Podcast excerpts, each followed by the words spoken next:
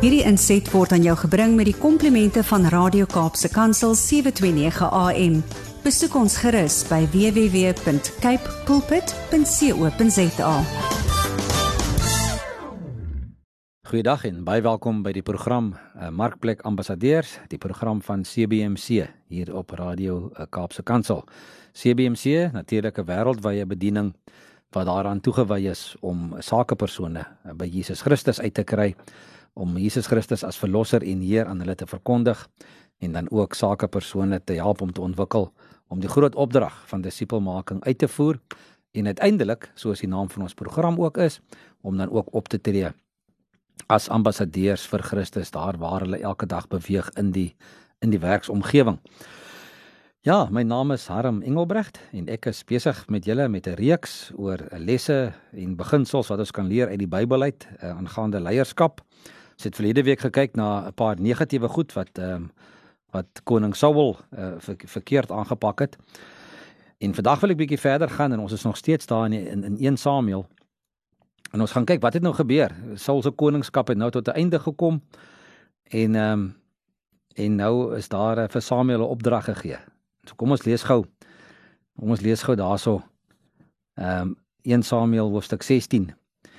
Die Here het vir Samuel gesê: Hoe lank gaan jy nog oor Saul treur nadat ek hom as koning oor Israel verwerp het?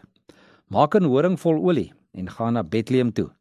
Ek stuur jou na Isaai toe, want onder sy seuns sien ek vir my 'n koning. Onder sy seuns sien ek vir my 'n koning. Samuel vra toe: "Hoe kan ek gaan as Saul dit hoor sal hy my doodmaak?" En die Here sê vir hom: "Neem 'n vers saam en sê ek het gekom om vir die Here offer te bring. Nooi dan vir Isai na die offer toe. Ek sal jou meedeel wat jy moet doen. Sal vir my die een wat ek aan jou sal beveel." En nou natuurlik weer 'n les wat ons kan leer oor leierskap. Samuel wat ehm um, die geestelike leier van Israel was en en en Saul meer die die die die by die koning was wat meer die ehm um, korporatiewe leier was eintlik. Vers 4 sê staan daar geskryf Samuel het gedoen wat die Here gesê het. En net dit, net dit alleen is al klaar vir ons 'n groot 'n groot les. Waaroor gaan leierskap? Dit gaan oor gehoorsaamheid. Gehoorsaamheid aan die Here. Ons het laasweek afgesluit ehm um, met die met die woorde uh, wat wat ges, wat gepraat het oor ehm um, as jy as jy moet kies tussen nederigheid en gehoorsaamheid aan God of hardkoppigheid en selfgesentreerdheid. En hier sien ons weer eens Samuel was die nederige een. Samuel is een wat geluister het. Ons het 'n paar weke terug toe ons begin praat het oor Samuel, het ons gekyk na Samuel wat wat bereid was om te luister. Ehm um, en toe die Here met hom praat het Eli vir hom gesê jy moet sê hier's die dienaar uh, ek luister ek ek ek, ek hoor wat jy vir my sê. Ehm um, wat moet ek gaan doen? En Samuel was die hele tyd tog net gehoorsaam geweest. En hier ehm um, staan vers 4 Samuel het gedoen wat die Here gesê het en by sy aankoms in Bethlehem het die leiers van die stad hom ontstel te gemoed gekom en gesê kom een vrede want hulle is toe nou 'n bietjie bekommerd wat kom maak hy nou daarso? En hy het gesê ja ek het gekom om vir die Here 'n offer te bring. Reinig julle kom saam met my na die offer toe. Hy self het vir Isaai en sy seuns gereinig en hulle na die offer toe genooi. En toe hulle inkom het Salem vir Eliab gesien Dis so een van Isaia se seuns. En gedink die gesalfde van die Here staan hier voor die Here. Maar die Here sê vir Samuel: Moenie na sy voorkom op sy buitengewone lengte kyk nie, want ek het hom nie gekies nie. Die Here kyk nie na dieselfde dinge as die mens nie. Die mens kyk na die uiterlike, maar die Here na die innerlike. Weereens, wat kan ons daaruit leer aangaande leierskap? Wanneer daar iemand aangewys moet word. Moenie dan kyk 'n mens baie keer na die ou wat die grootste mond het of wat die wat die gewildste onder die mense is. Maar waarna kyk die Here? Die Here kyk nie na dieselfde dinge as die mense nie. Die mens kyk na die uiterlike, maar die Here na die innerlike. En so het Isaia toe die seuns een vir een vir een geroep dat hulle daar verbykom en en elke keer het die Here net vir Samuel gesê dis nie hy nie, dis nie hy nie. En vers 10 sê nadat Isai sewe van sy seuns voor Samuel laat verbygaan het, sê Samuel vir Isai: "Die Here het nie een van hulle gekies nie." Wat 'n skok. Hy kom daarso om vir Isai te sê ehm um, wat wat hy moet kom doen. Hy moet hy moet die volgende koning kom kom kom salf. En en nadat sewe seuns verbygestap het, sê sê Samuel vir hom, "Sorry, dis nie een van hulle nie." En hy vra Samuel vra toe vir hom, "Is dit al jou seuns die?" En Isaia antwoord hom, "Die jongste een is nog oor, maar hy pas die skape op." Toe sê Samuel vir Isaia, "Laat haal hom, want ons eet nie voordat hy nie hier is nie." Isaia het hom laat haal. Hy het 'n rooi gelaatskleur gehad, mooi oë en 'n goeie voorkoms. Toe sê die Here, "Staan op, salf hom, want dis hy." Samuel het die horing met olie gevat en hom voor sy broers gesalf. Die gees van die Here het van daardie dag af kragtig in Dawid gewerk. Daarna het Samuel klaar gemaak en teruggegaan na Rama toe.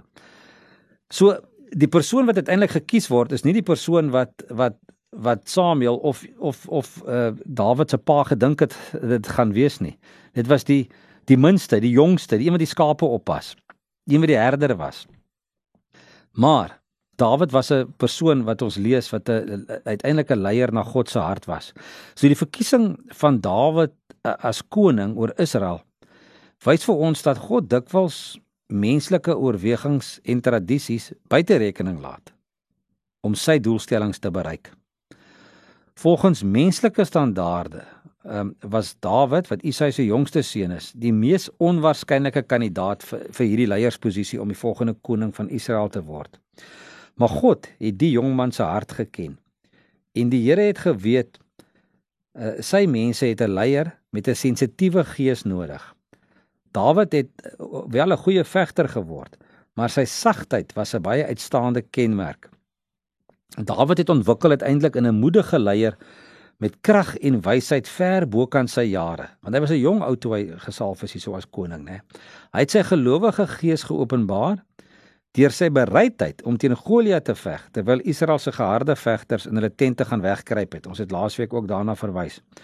Dawid was duidelik bewus van hoe afhanklik hy van God is en het seker gemaak dat God die eer kry vir elke sukses in sy lewe. Ja, Dawid se loopbaan het op die onderste sport in die van die leierskapsleer begin en hy het met 'n goeie gemoed gedoen wat van hom gevra is en het, en hy het dit nog ook geniet ook. Sy eie broers het op hom neergesien, maar God het hom verhef. Dit klink amper soos Josef, né? Nee. Dawid se lewe bewys dat getrouheid in die klein dingetjies dikwels uitloop op groter opdragte wat ook groter verantwoordelikheid meebring. Dawid was lief vir God en het geleef soos iemand na God se hart. Net weer dat Dawid se lewe het bewys dat getrouheid in die klein dingetjies dikwels uitloop op groter opdragte wat ook groter verantwoordelikheid meebring. Ons lees in die, die Nuwe Testament van die van die man wat weggegaan het en vir sy vir sy werkers toe toevertrou het met elke met 'n paar muntstukke. Die 5 en die 2 en die 1 muntstukke en en en en die ene wat uiteindelik die die muntstukke die meeste gekry het en hulle daarmee gewoeker het en hulle verdubbel het, hy het nog baie gekry. Want wat het die Here vir hom gesê? Oor min was jy getrou, oor baie sal ek jou aanstel. En nie soos wat ons hier ook lees nê, is dat Dawid se lewe bewys dat getrouheid in die klein dingetjies dikwels ook uitloop op op groter opdragte.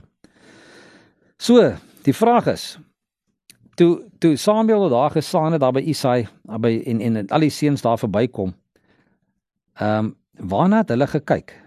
En en waaraan kan 'n mens 'n leier uitken? En wanneer het Dawid nou die leier geword? Die Bybel sê vir ons dat die jong man 'n leier was nog lank voordat hy die titel gekry het. Hierdie jong man kom in Samuel 1 Samuel 16 na vore. Maar net God en Samuel het aanvanklik die leier in hom erken. Eers na sy groot uh, en en onverwagse oorwinning oor Goliat het almal uiteindelik skielik hom raak gesien en sy uitsonderlike vermoëns uh, raak gesien daar in in hoofstuk 17 uh, se einde. Dawid se voorbeeld toon dat ware leiers nooit met 'n fanfare aangekondig hoef te word en 'n groot hoeha soos ons mos nou sê gemaak of te word nie. Ons erken hulle van self en dikwels is dit deur dit wat hulle doen, deur die voorbeeld wat hulle stel, wat mense hulle raak sien en hulle erken. Dikwels voel ons genoodsaak om iemand aan te stel wat lei, wat moet lei ongeag of die persoon die wa ware leier is. En dan gee verkeerde motiewe en vals maatstawwe dikwels die deurslag in hierdie keuse. Uit 1 Samuel 16 kan ons wat leer wat die swak en die verkeerde verkiesingsprosedure van leiers is.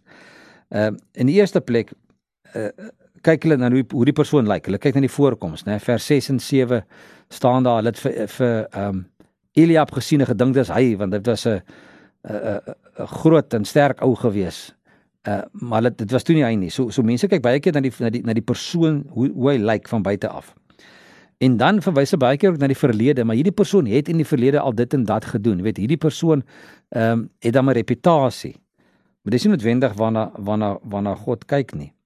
Ehm um, en 'n ander verkeerde prosedure kan wees dat 'n mens hou by hiërargie. Met ander woorde, ons kyk met die meeste ondervinding, meeste ervaring, was lank in die posisie.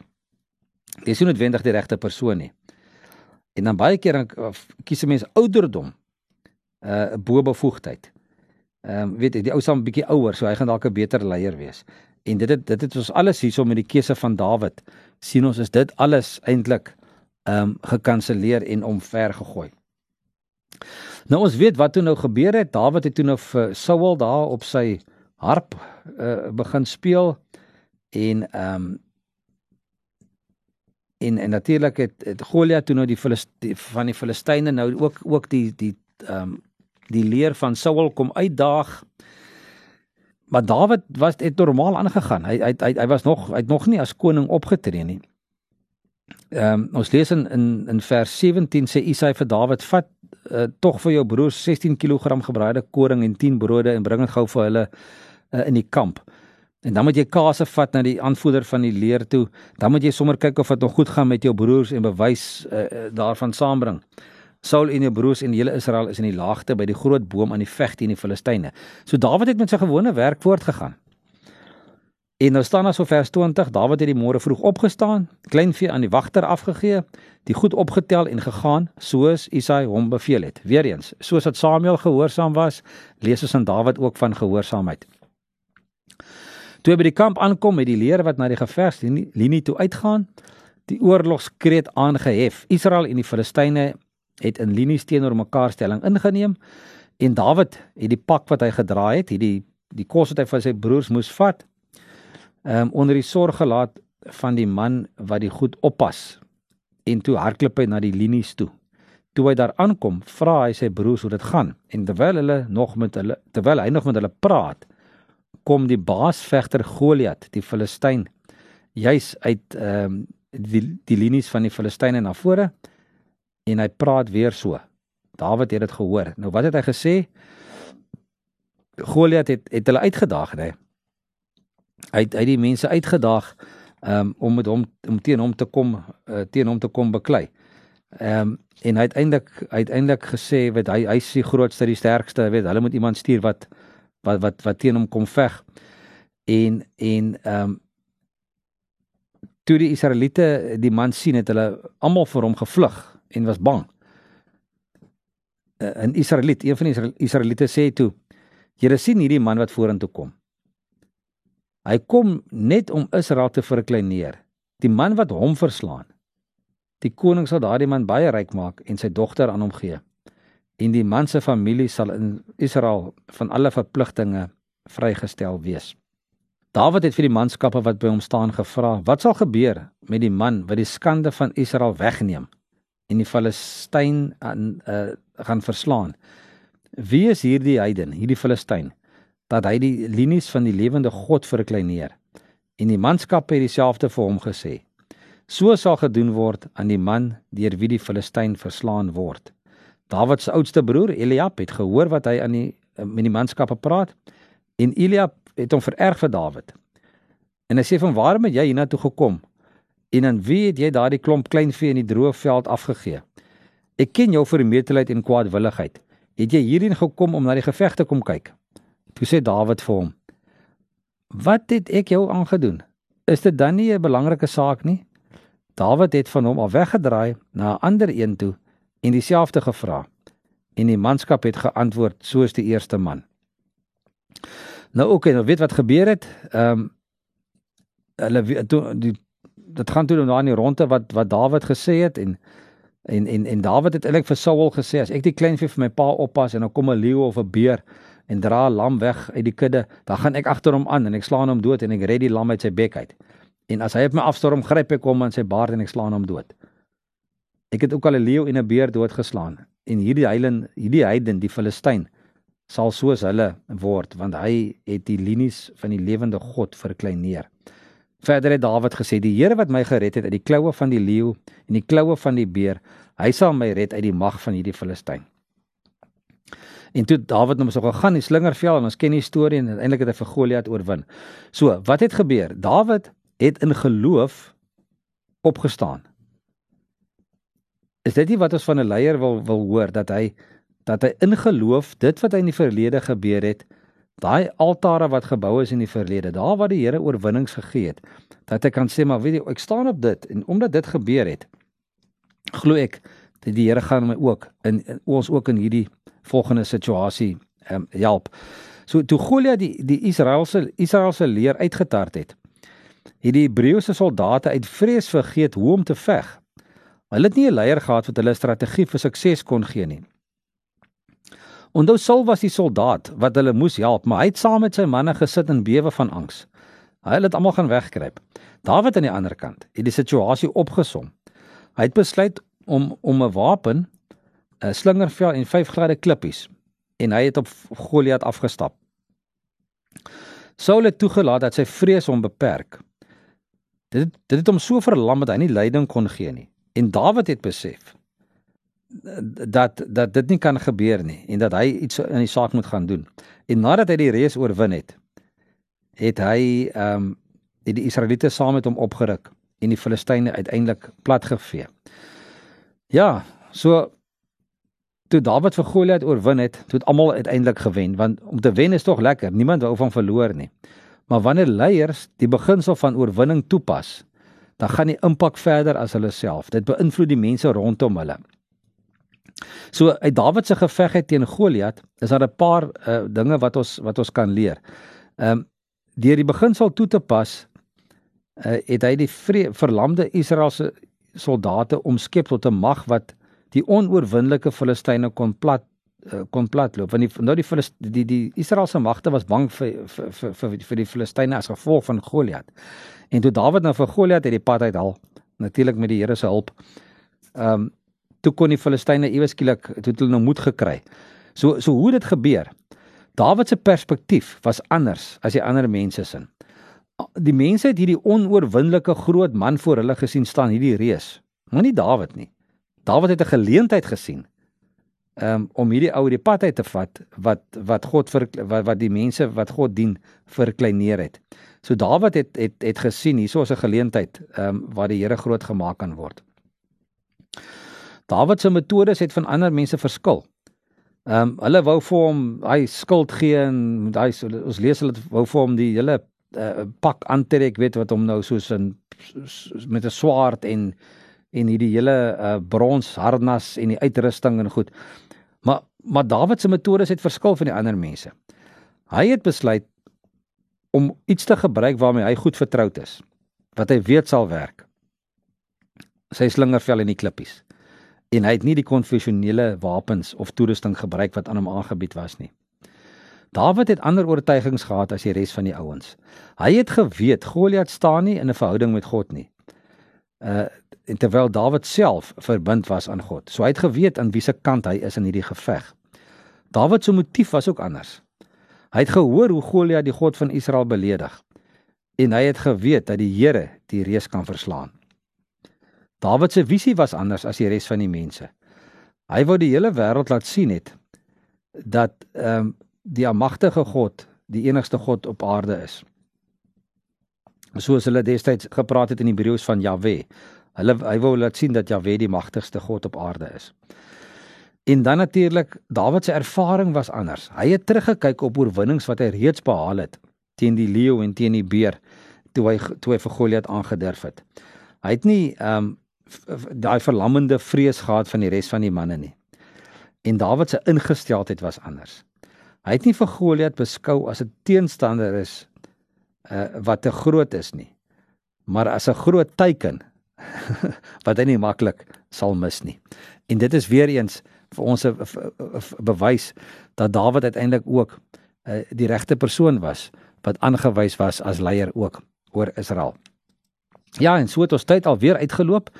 Ehm um, ek sal graag volgende keer 'n bietjie verder met julle praat oor oor Dawid en en wat hy gedoen het en sy leierskap. Ja, natuurlik het hy ook foute gemaak. Uh, maar ons gaan bietjie daarna verder kyk volgende week. Dit was vir my 'n voorreg om met julle te gesels weer in in hierdie program.